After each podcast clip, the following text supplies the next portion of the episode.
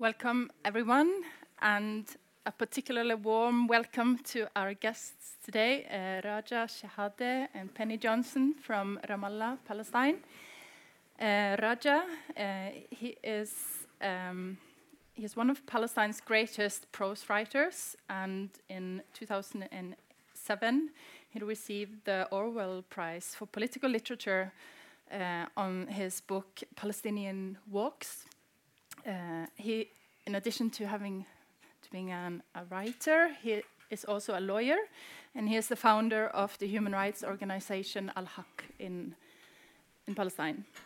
And then Penny Johnson, uh, she is also an award-winning author. Her latest book uh, is Companions in Conflict, which we are talking about today. She's also, um, in addition to being an author, she is a researcher at Bir Birzeit University in, in Palestine uh, at the Institute of Women's Studies.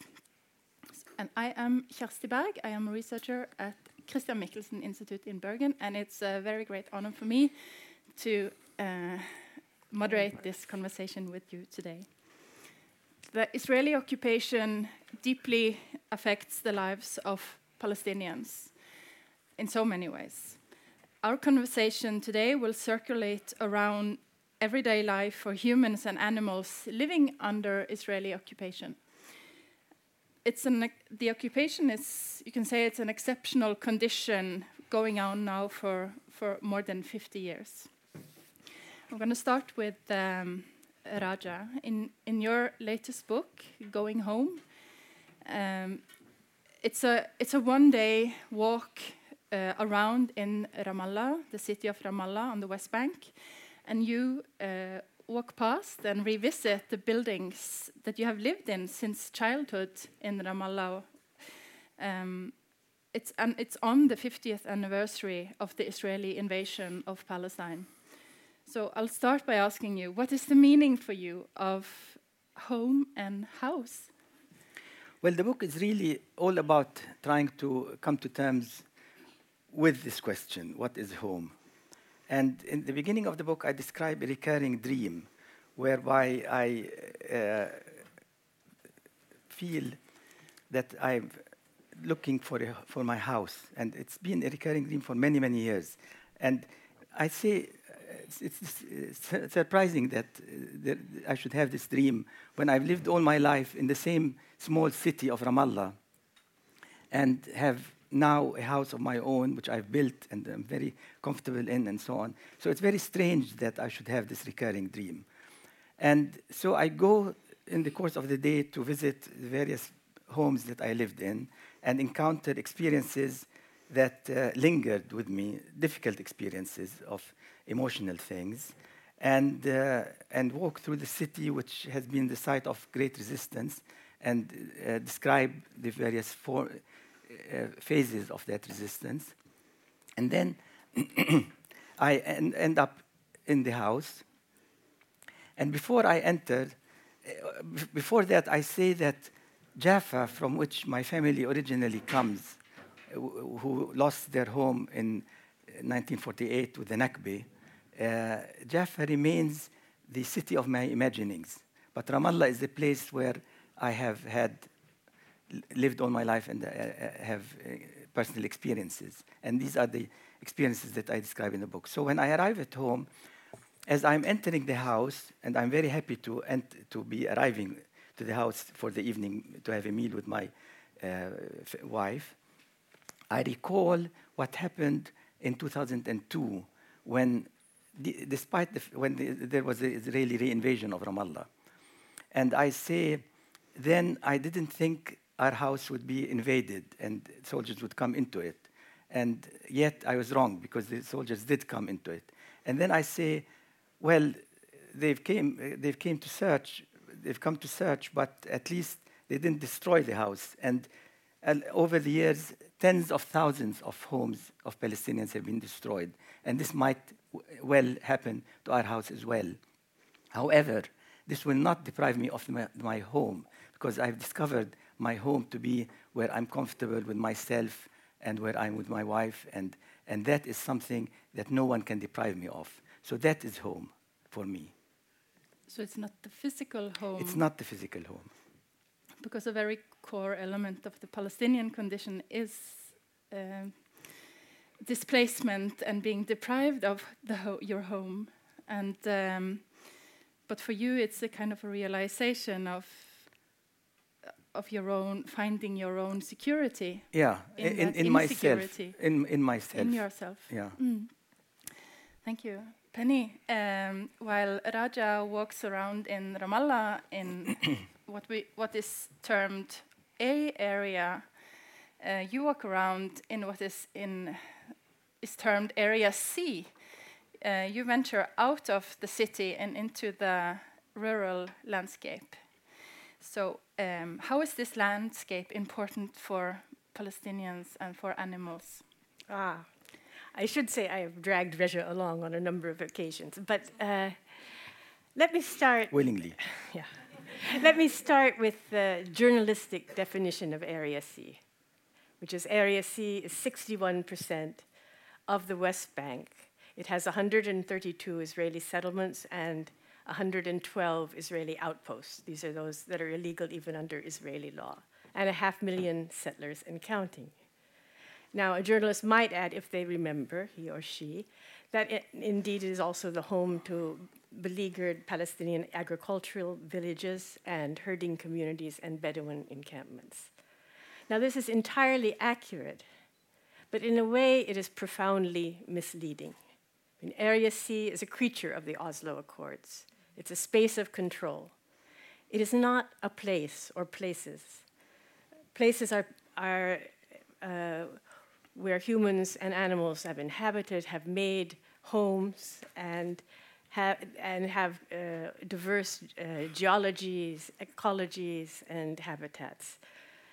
But Area C, being, uh, is also sort of a nightmare uh, creature of, of uh, the Oslo Accords.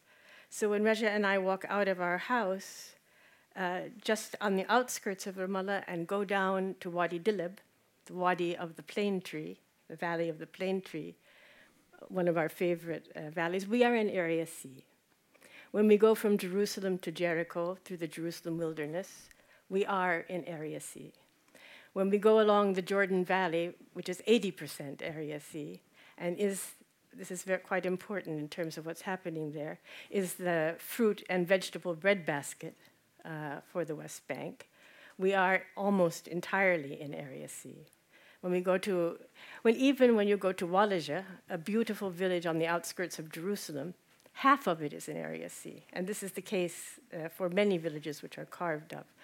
So Area C is already a complicated maze of restrictions uh, for both, and it is also, and this was uh, the home of most of the remaining wildlife of Palestine.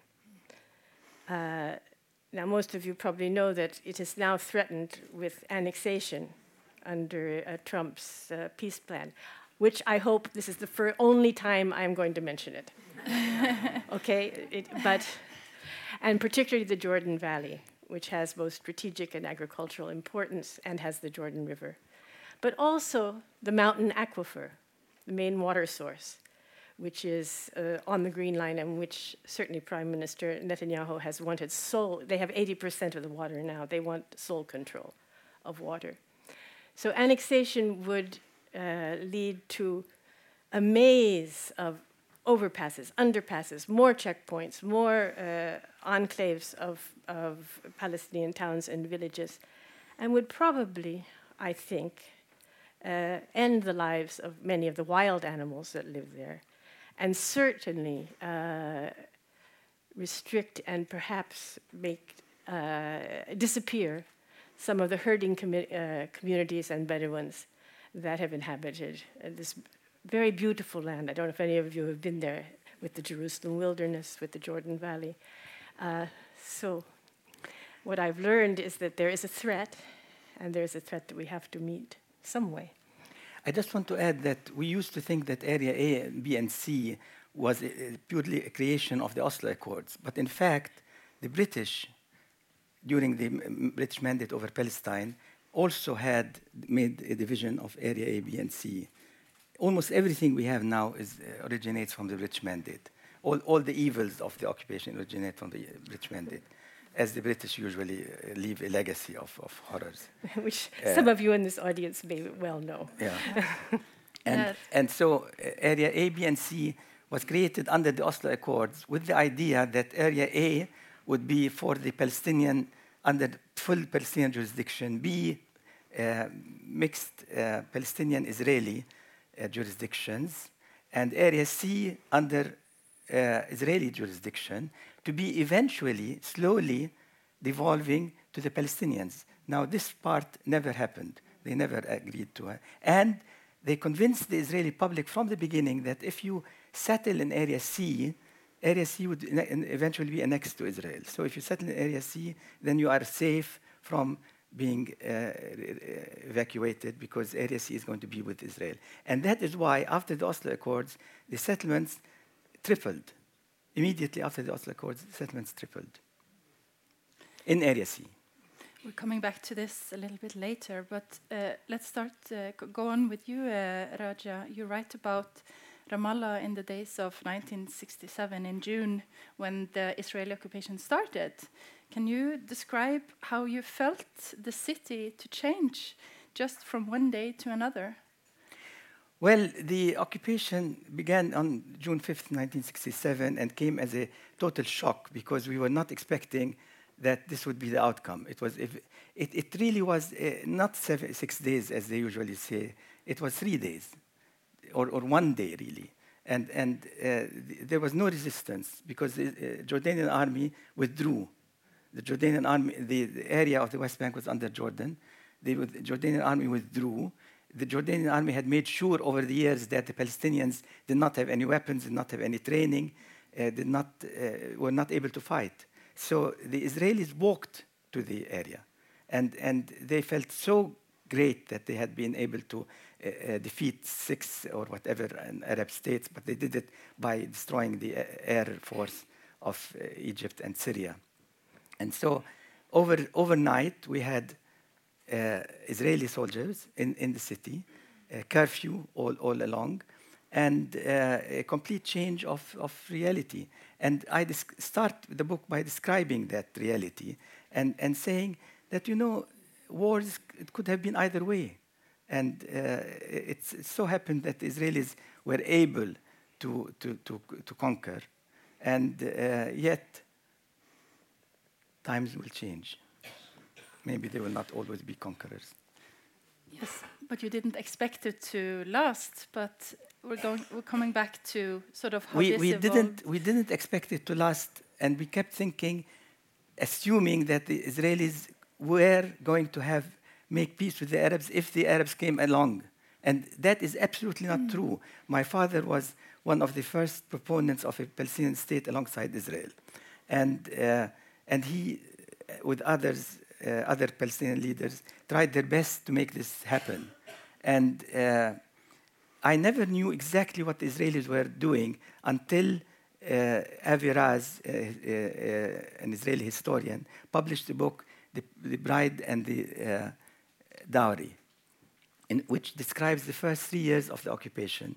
And he describes how Israel did everything in its power to make sure that no peace happens, telling the United States that they're negotiating with Jordan, telling Jordan that they're negotiating with the Palestinians, mm. and so on, using a- a- a strategy of deception, as he calls it, in order to make sure that no peace takes place and they will stay in the occupied territories. And that has been the case ever since. They never wanted to make peace, they wanted to keep the territory to themselves. And always saying, we have nobody to negotiate with. Always saying the same thing, we have nobody to negotiate with. Yeah, uh, and one consequences of the l- protracted or the long occupation is a gra- very gradual but a loss of habitat for for humans and animals alike.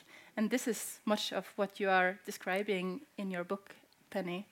So, which animals are are being threatened, and why are they disappearing? How how do you connect it to the occupation? Uh, I just want uh, just to add to Raja, uh, uh, we didn't expect 50 years of occupation. You're right. At Birzeit University, and with everybody in the first Intifada, we thought we had, were coming to an end. And I remember we held a conference called uh, uh, Occupation 20 Years, and we thought that was it. And we started planning for the future, but it was not to be. And the next 30 years have been the time that was the most destructive for both humans and their animal companions. And this is, in a way, a complicated question because it depends on the community and, and the animals Yeah. in question. But some things are not uh, complicated. The uh, separation barrier, the apartheid wall, uh, affects both human movement and all the ecological corridors, particularly of, of wild animals and of large mammals. So that's a very uh, simple answer to frightening. So it's gazelles. Uh, to uh, gazelles, to hyenas, to wolves, to it, it's now uh, going towards the Dead Sea. It will uh, deeply affect ibexes, these wonderful uh, antelopes that stand on the, the cliffs above the Dead Sea. Uh, and it affects, of course, uh, herding communities and sheep and goats. I mean, there's actually a direct effect on sheep and goats from settlement because not only is grazing highly restricted, uh, and often forbidden. But settlers have used drones to go over people's herds. They have killed sheep and uh, they have killed herds. They have poisoned uh, animals. So uh, it's a mix of both direct human intervention and what we can call uh, the cold violence of the occupation. what do you mean by that? Cold violence is, I am taking this expression from a wonderful essay by Teju Cole, uh, the writer who came with uh, a writer's delegation. And this is the maze of restrictions, laws, uh, bureaucratic interventions, usually administered by the wrongly called Israel Civil Administration, which is staffed by generals and mysteriously runs uh, the system in the West Bank because often you do not know uh, what is restricted, what is not restricted. At the university, uh, there have been no work permits for international faculty since 2003. Strange visas emerge from the civil administration sometimes that actually forbid people to work even though they know they're going to work, and uh, restrict people to the West Bank and uh, have and people who cannot leave. But we don't know why, and now they have stopped them, and international faculty is draining away. So it is that kind of it's another frightening loss of habitat, uh, which because we live in many environments, don't we? And one of them is uh, uh, uh, the environment that is regulated by law. But it can be direct, uh, the, fright, the, the loss of habitat as well. Uh, when we used to walk down from our house uh, in, into, into the Ramallah Valley, in the spring we would always see mountain gazelles, the gazelle gazelle. Uh, now there are it's roads, it's springs paved over, it's rubble, it's settlements. Uh, the gazelles, It's also the rubbish from the settlements and the uh, yeah, and it's also toxic dumping funks- uh, the West Bank has become a garbage dump. Uh, so th- the, the gazelles are now uh, on the, r- uh, the red list of endangered species. So there, there's a really strong commonality between humans and animals in Palestine on the loss of habitat.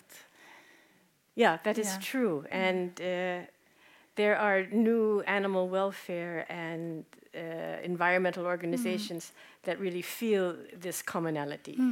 And one, the Palestinian Animal League, is very much working with young people. Uh, one of the young uh, uh, workers told me, We want to teach uh, our young people the, act, the opposite of what the occupation has done to us. So there is a counter move uh, to the restrictions uh, and, and the loss. Let's take a step back, uh, Raja. Your family came from come from Jaffa, which is now in Israel, and were and fled in the first war in 1948. Um, and your family lived under the hardships of Jordanian rule before the occupation.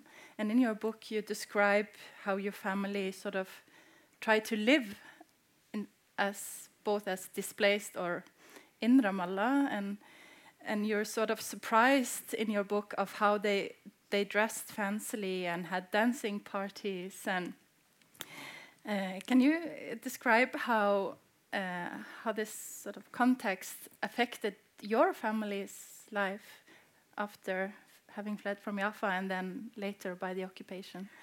I think that uh, age has something to do with it. As I grow older, I become more aware of my family and how they survived difficult times, and I'm more aware now than ever before of how difficult it was for them at every stage.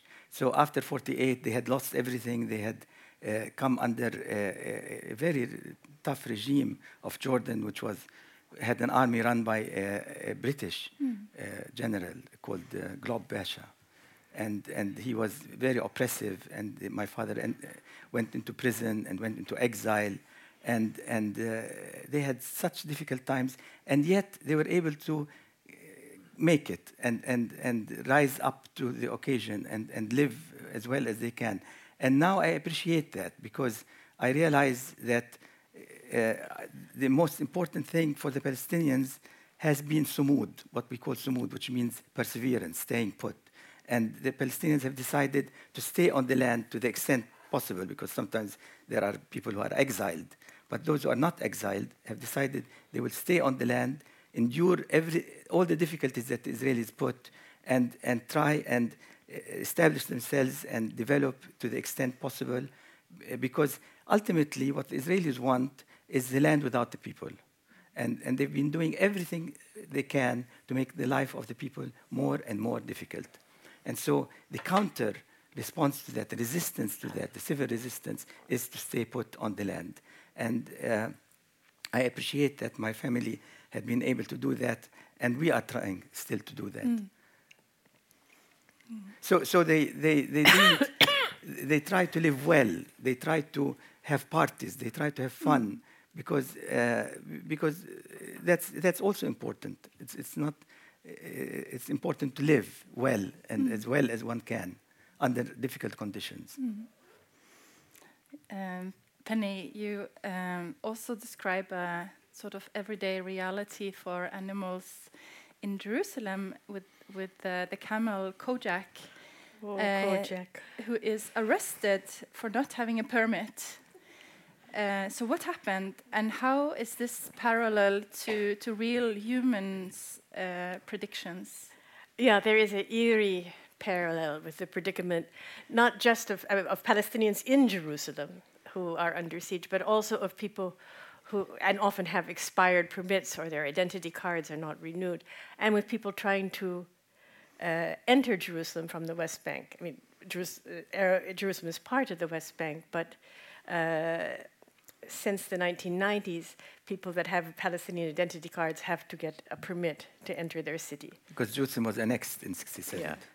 Uh, so Kojak also uh, his his, his permit expired. Kojak was, in a way, he was like the most.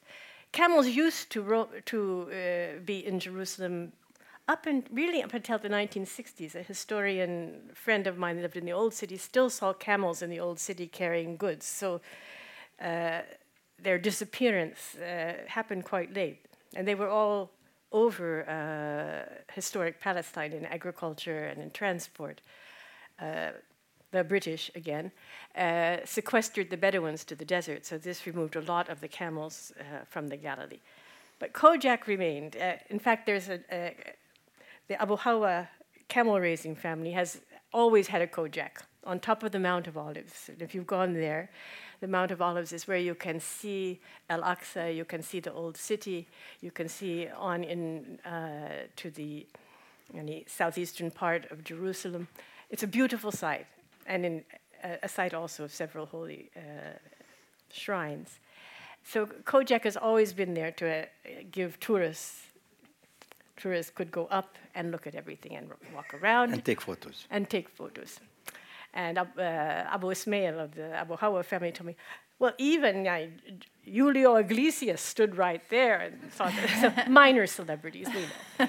Okay, so Kojak was doing very well until 2011. And the Jerusalem municipality had changed. It was less, much less liberal. And all of a sudden, they came to arrest Kojak for having an expired permit. And Kojak was taken away and put in a shack near Bethlehem. Uh, then there was a campaign uh, for Kojak. I have to say, uh, he probably did better than many Palestinians uh, who have lost their identity cards, and partly by Israeli tourist guides who were sort of dependent on this camel. So he was finally released. Uh, he was insured by a Tel Aviv company, uh, all sorts of things. But then Abu Ismail told me when he was released, he tried to bite me. He had gone Majnoon. Mm. He had gone crazy in the dark. And this is where uh, uh, I thought, yes, we are confined and we all go Majnoon. We all mm. go crazy mm. in the dark, mm. like Kojak. Uh, Raja, when you walk around in uh, Ramallah, you uh, talk. you write about how society has changed, and from the first Intifada, the uprising in, in late 1980s, and until today, and you comment that each one of us is on our own. So, what what do you mean by this, and how has the society changed? Uh, throughout the walk, I go into descriptions of uh, Ramallah during the different phases. So the mm. first Intifada, when everybody worked together and uh, struggled together, and there was a strong sense of solidarity, and it was a, a, a very important time in our life, really, because it was an, a new experience for us to struggle together and to feel hope and and uh, and uh, commonality and so on. And there was no divisions between people, where, however, wherever they came from, whatever class and so on. And, and then, of course, the Intifada ended with that terrible Oslo Accord, which we blame partly this country for. And anyway, it ended uh, with this terrible uh, uh, regime, which brought the Palestinian Authority under very restrictive uh, rules. And, and then we had liberalization. So, whereas before we had no banks, tens of banks were established, and they were very liberal in giving loans. So everybody now has a loan for a car, for a house, for two cars, for furniture of the house, and everybody is stuck uh, with the loans and they have to pay back, and so they don't want to resist. They just want to think about how to manage with the loans, and this restricts everybody and makes them all materialistic and, and nervous. And so Ramallah has changed tremendously mm. because of this. Mm. Uh, in, in some ways, the changes have been good because uh, the cultural activities have uh, expanded a lot. And there's a lot of cultural activity going on. But uh, otherwise, people are less happy, more nervous, more tense, less involved in, in resistance, uh, trying to shield themselves from everything that goes around them and, and, and not feel with the others. And it's uh, uh, Ramallah is really like a bubble, which I describe as I go along uh, on the street from place to place, and then mm. and then show the how the young people are not aware of what we went through in the first intifada and of the optimism of the first mm. intifada. And so, in several of my books, my attempt has been to bring to the fore and to make it people who have not been through these experiences aware of these experiences. Mm-hmm because I think it's very important for, for them to know. But you describe Ramallah as, as a bubble uh, with the Kentucky Fried Chicken and Pizza Hut and you know all this economic activity, but at the same time as a prison. So it's it's a very yeah because because Ramallah has uh, is surrounded by settlements. Uh, the land around it has been mainly taken by the settlers or rendered in, as area C where the expansion cannot happen. So it's confined and, and crowded, and uh, lost much of its beauty because it used to, it's a hilly place. It used to have very attractive uh, landscapes and housing with gardens around them. Now, a house with a garden is a rarity. Uh, it's all uh, high rises, and, and people have live in, in, in apartments without a garden, and so they uh, never have experience of the land and of uh, cultivation and so on. And, and also, if you want to leave Ramallah, you have to go through a checkpoint almost on every uh, place where you live. And, and the surrounding areas of Ramallah, which have been very attractive, where you can go for walks and so on, are now more or less deprived, you're deprived of that pleasure of going into them for walks. So it's, it's very confining and, and very much like a prison. And let me just, just add, I mean, we all use the language Ramallah bubble. In fact, many people live outside the Ramallah bubble. Uh, Ramallah, is all, uh, Ramallah and Bir, they're twin towns. That you can't tell the difference really. Ramallah it's, is also the home to the Amari refugee camp and the nearby Jalazon refugee camp and a number of poor neighborhoods. So people do not all live the life of the bubble. And all of us, there, and there are people who haven't left Ramallah for maybe a decade or 15 years because they don't have the right papers. So it's, it's, it's a potent mix. And of course, there is resentment, there is growing inequality, uh, but there are also sort of multiple lives uh, going on in Ramallah. And then, of course, there are the Eh, laborers who, who go to Israel very, very early in the morning. They leave the house at 2 o'clock and, and don't return until evening, if they return, because sometimes they sleep over. And, and so these are also an invisible army of workers who are invisible to the rest of the population, really. And then there are, of course, the prisoners and, and, and the families of the prisoners who mm-hmm. suffer a lot.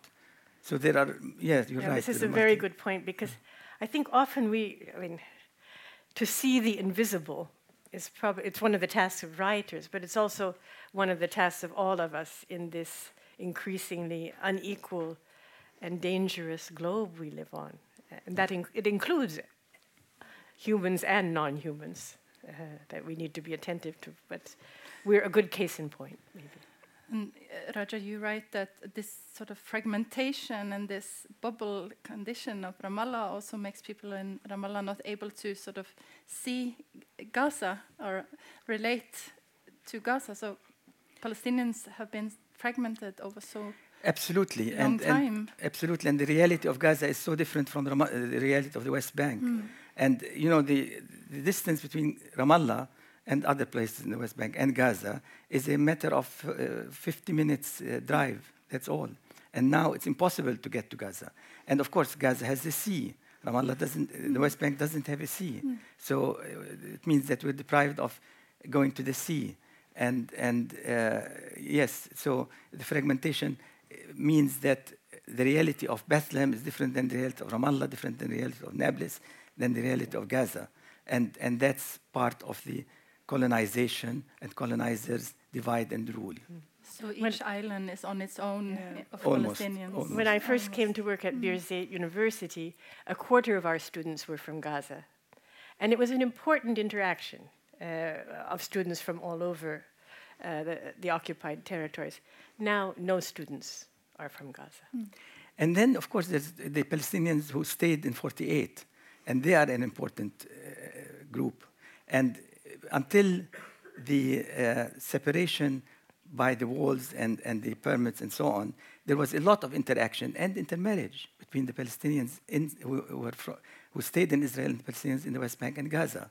And the Israelis were aware that if this continues, then there would be a mixture of people that they didn't want at all, and a kind of return to Palestine, which they wanted to prevent. So, so now they have made absolutely barriers, and if somebody marries somebody from uh, Palestinian inside, uh, in Israel, living in Israel, they, they cannot get uh, united as a family. They cannot, they cannot live together.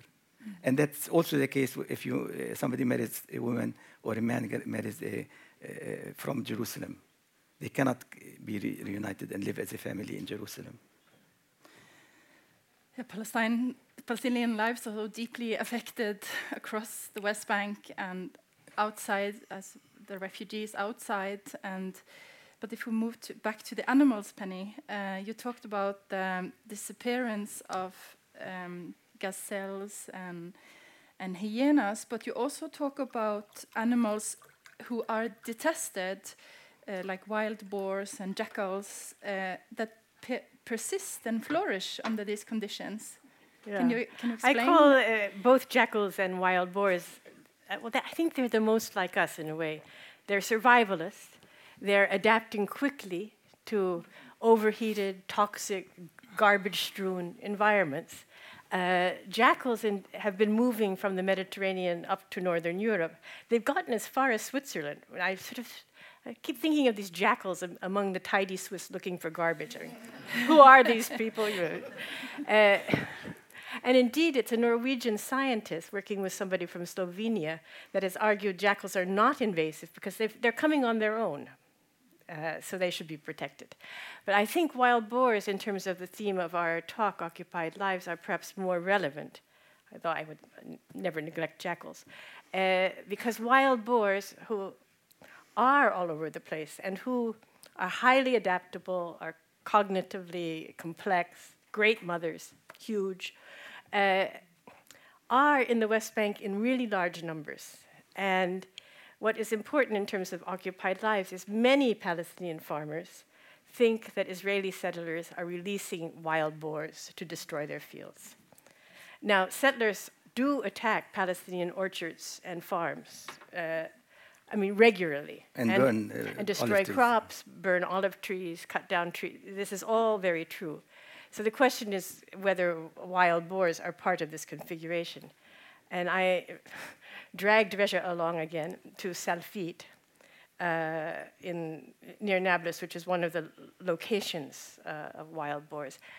And of importance, it's a location of the mega settlement of Ariel on the border of the Green Line, which, whose untreated waste flows down into the wadi, as does an industrial zone in uh, the occupied territories.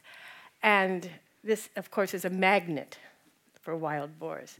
So the question is whether it's garbage or settlers.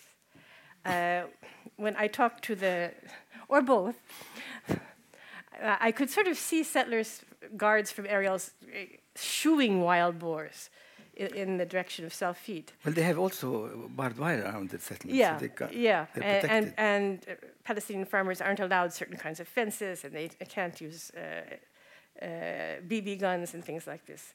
As wild boars do destroy crops, but when I talk to the engineer, it's really garbage, and it's the fact that it's ab- absolutely uncontrolled, and people are not protected.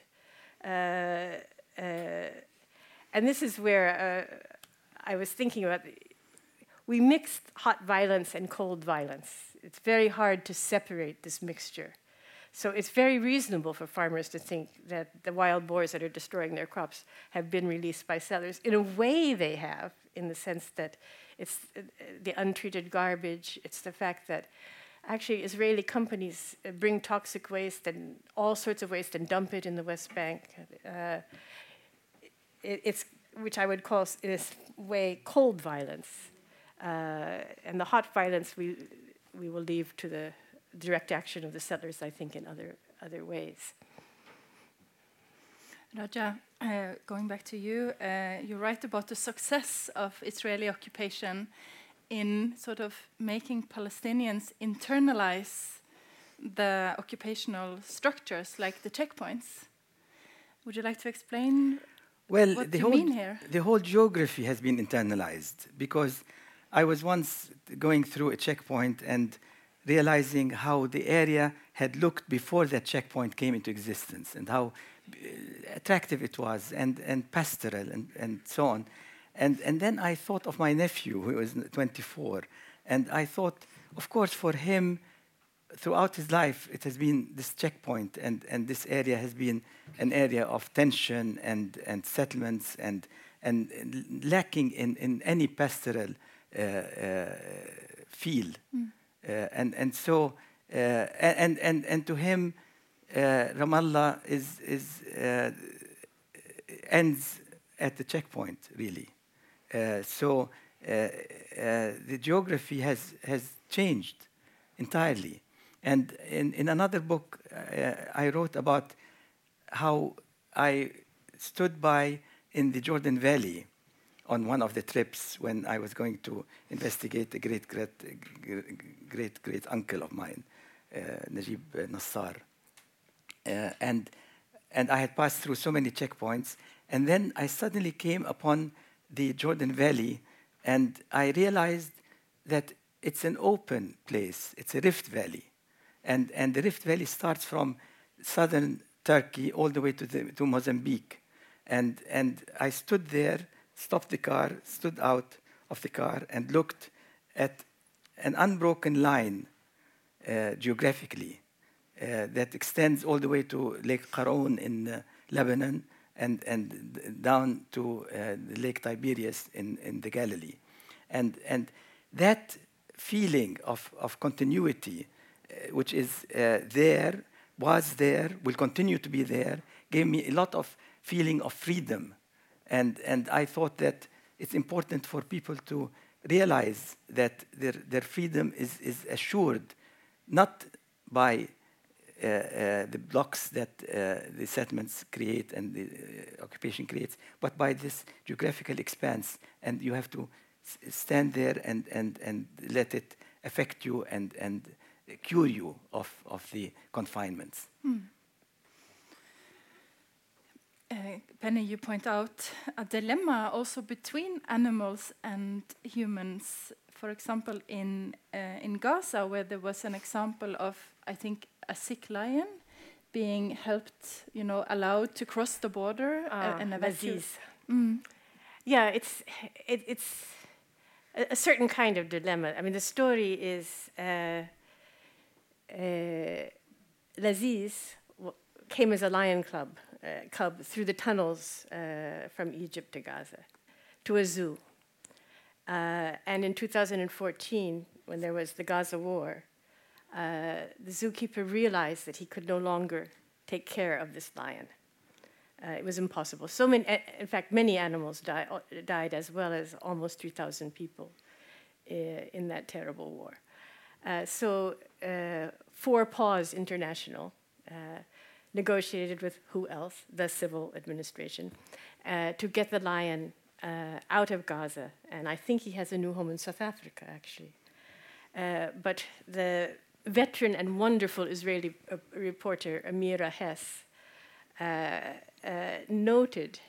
and he called the head of the civil administration sort of the chief zookeeper of Gaza and noted that they don't allow cancer patient, patients out of Gaza. Mm. And so she said how lucky it is to be a lion that somebody cares about.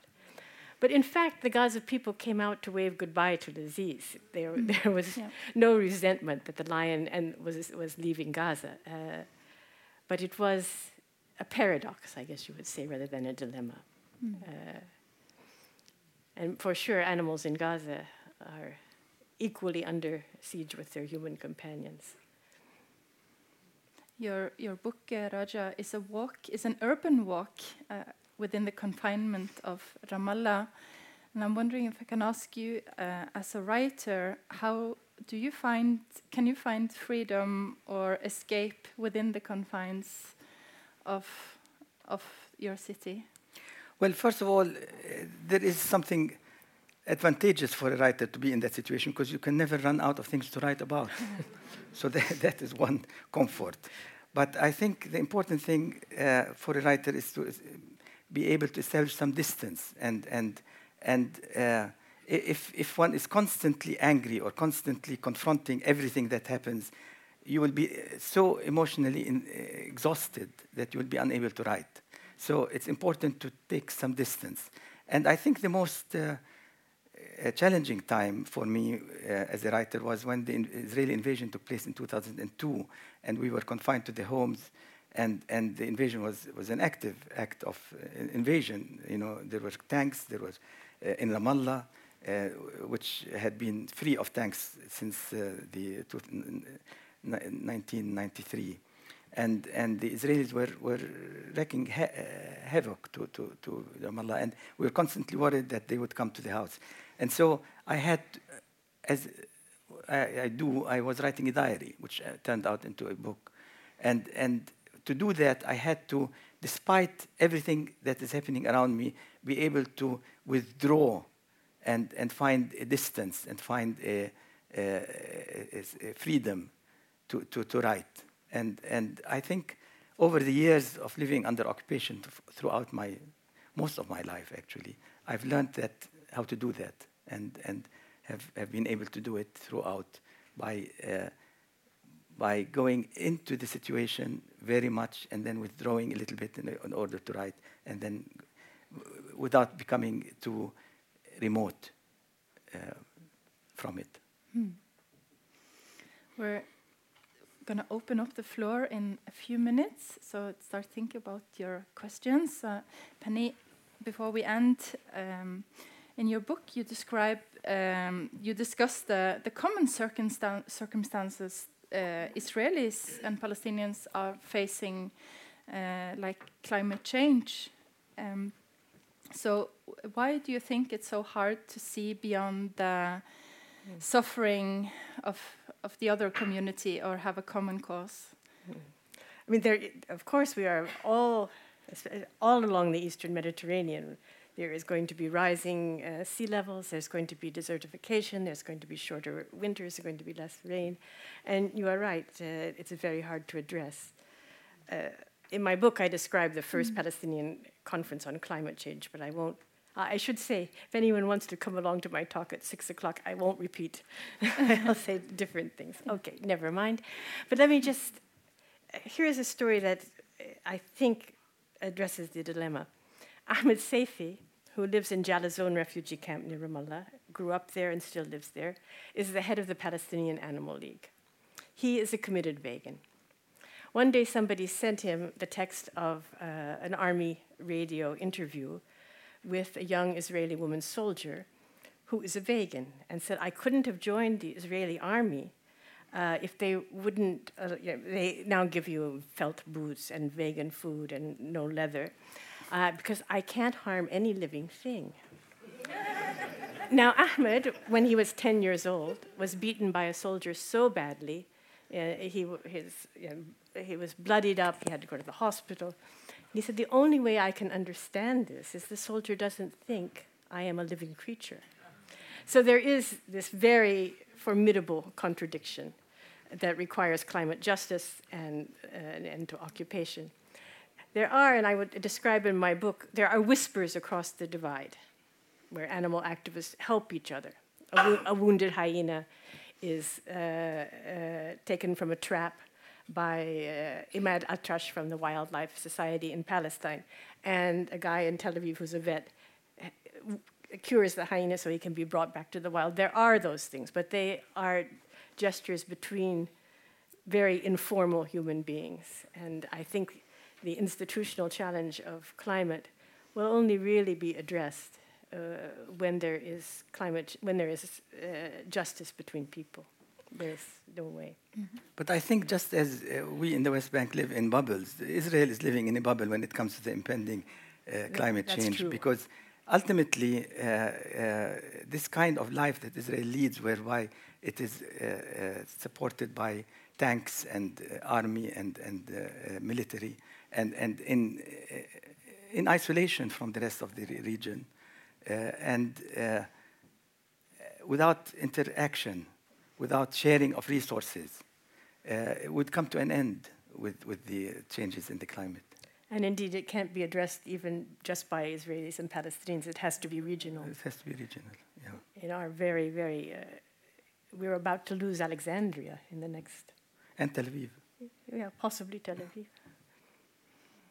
Yeah, Raja, you have written about how the occupation has affected Ramallah and your own, your own town and society. But I would like to ask you, how has it affected your own life and your own hopes? Uh, you described the occupation as a shadow uh, stalking you and challenging you and threatening you. The occupation has affected every aspect of my life and, and continues to affect every aspect of my life. Uh, when you think of uh, family members who cannot come back because they, they don't, they're not allowed by Israel, which means that their children grow and, and I don't come close to them because we, we are separated. Or when you consider that friends of mine, very dear friends of mine, cannot come to the West Bank even as visitors because Israel will not allow them, even though they were born in, in Jerusalem or Ramallah or, or other places in the West Bank. Uh, when you consider that uh, uh, we cannot walk in, in the hills without worrying about settlers and guns and, and problems and uh, barbed wire and so on. Every aspect of my life has been affected. And, and, uh, and it's been a struggle throughout. Uh, and struggle is good, but sometimes one gets tired of struggle. But it's been a struggle throughout. And, and mm. unfortunately, as time goes, the struggle becomes more and more hopeless because America under Trump, but not only under Trump, throughout, has been such a supporter of Israel. And uh, it's as if you're fighting America, not only Israel, because America supports Israel in every aspect economic, uh, military, diplomatic. Uh, so we are fighting a huge enemy, and it's almost an impossible battle. Almost. Almost. Let's end with almost before the questions, maybe. Yes. yes. If anyone has any questions. Ah, you mean uh, the, the, in, in, Hebron? Is it tip? Yeah, yeah. yeah tip in, in Hebron and the word.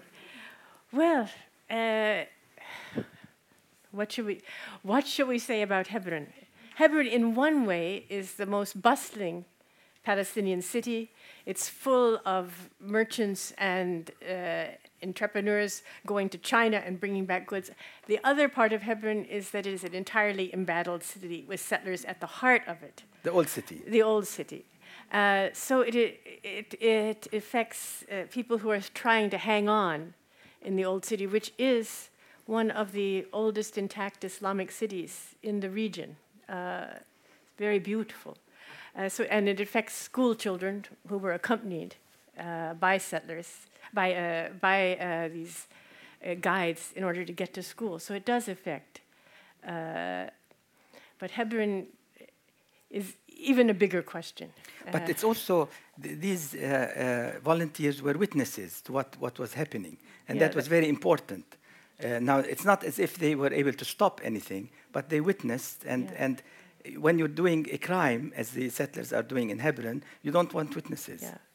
I mean, there are other witnesses, and we should mention here our friends in Breaking the Silence, Israeli soldiers who worked in the military occupation in Hebron and came out and become, became witnesses and lead tours to Hebron that hopefully uh, they irritate the settlers so much that I, I, think there's probably some that have had heart attacks they, uh, because they know. And, and, whoever, and, and whoever goes on this tour doesn't need to go anywhere else. Immediately they understand everything and they, they feel uh, so moved by the experience that they become committed to, to serving justice in the region because it's so uh, clearly an unjust in, uh, situation.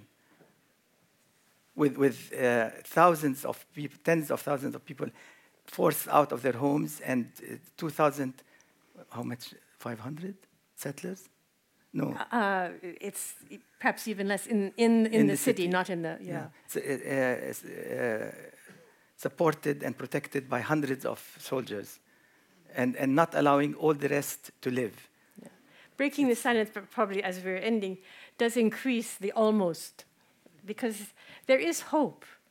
Uh, and in a way, Palestine, occupied Palestine, and the state of Israel, we are a very small place with very diverse ecologies. And even one person can make a difference. Uh, it, we, are not, we work on a scale. Uh, that means that differences can be.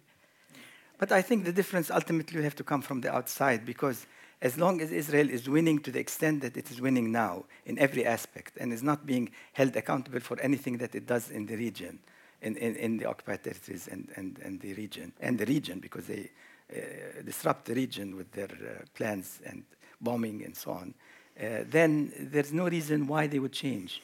And, and once this begins to change by people in the outside expressing in various ways they can that do not accept this behavior by Israel, then the Israelis would have to think twice. And the example of South Africa is a good one, because South Africa used to say, we don't care what the world thinks as long as America is with us. Once America changed, everything fell. And so uh, the struggle in South Africa was helped by the support of the world outside and, and likewise in, in Palestine. Yes, there are, uh, there are five universities. Five, uni- well, now with American University of Jenin, six universities and several in Gaza, including, I have to say, the Islamic University in Gaza has some of the best uh, scientific training still. Uh, which is uh, really a very big credit for them.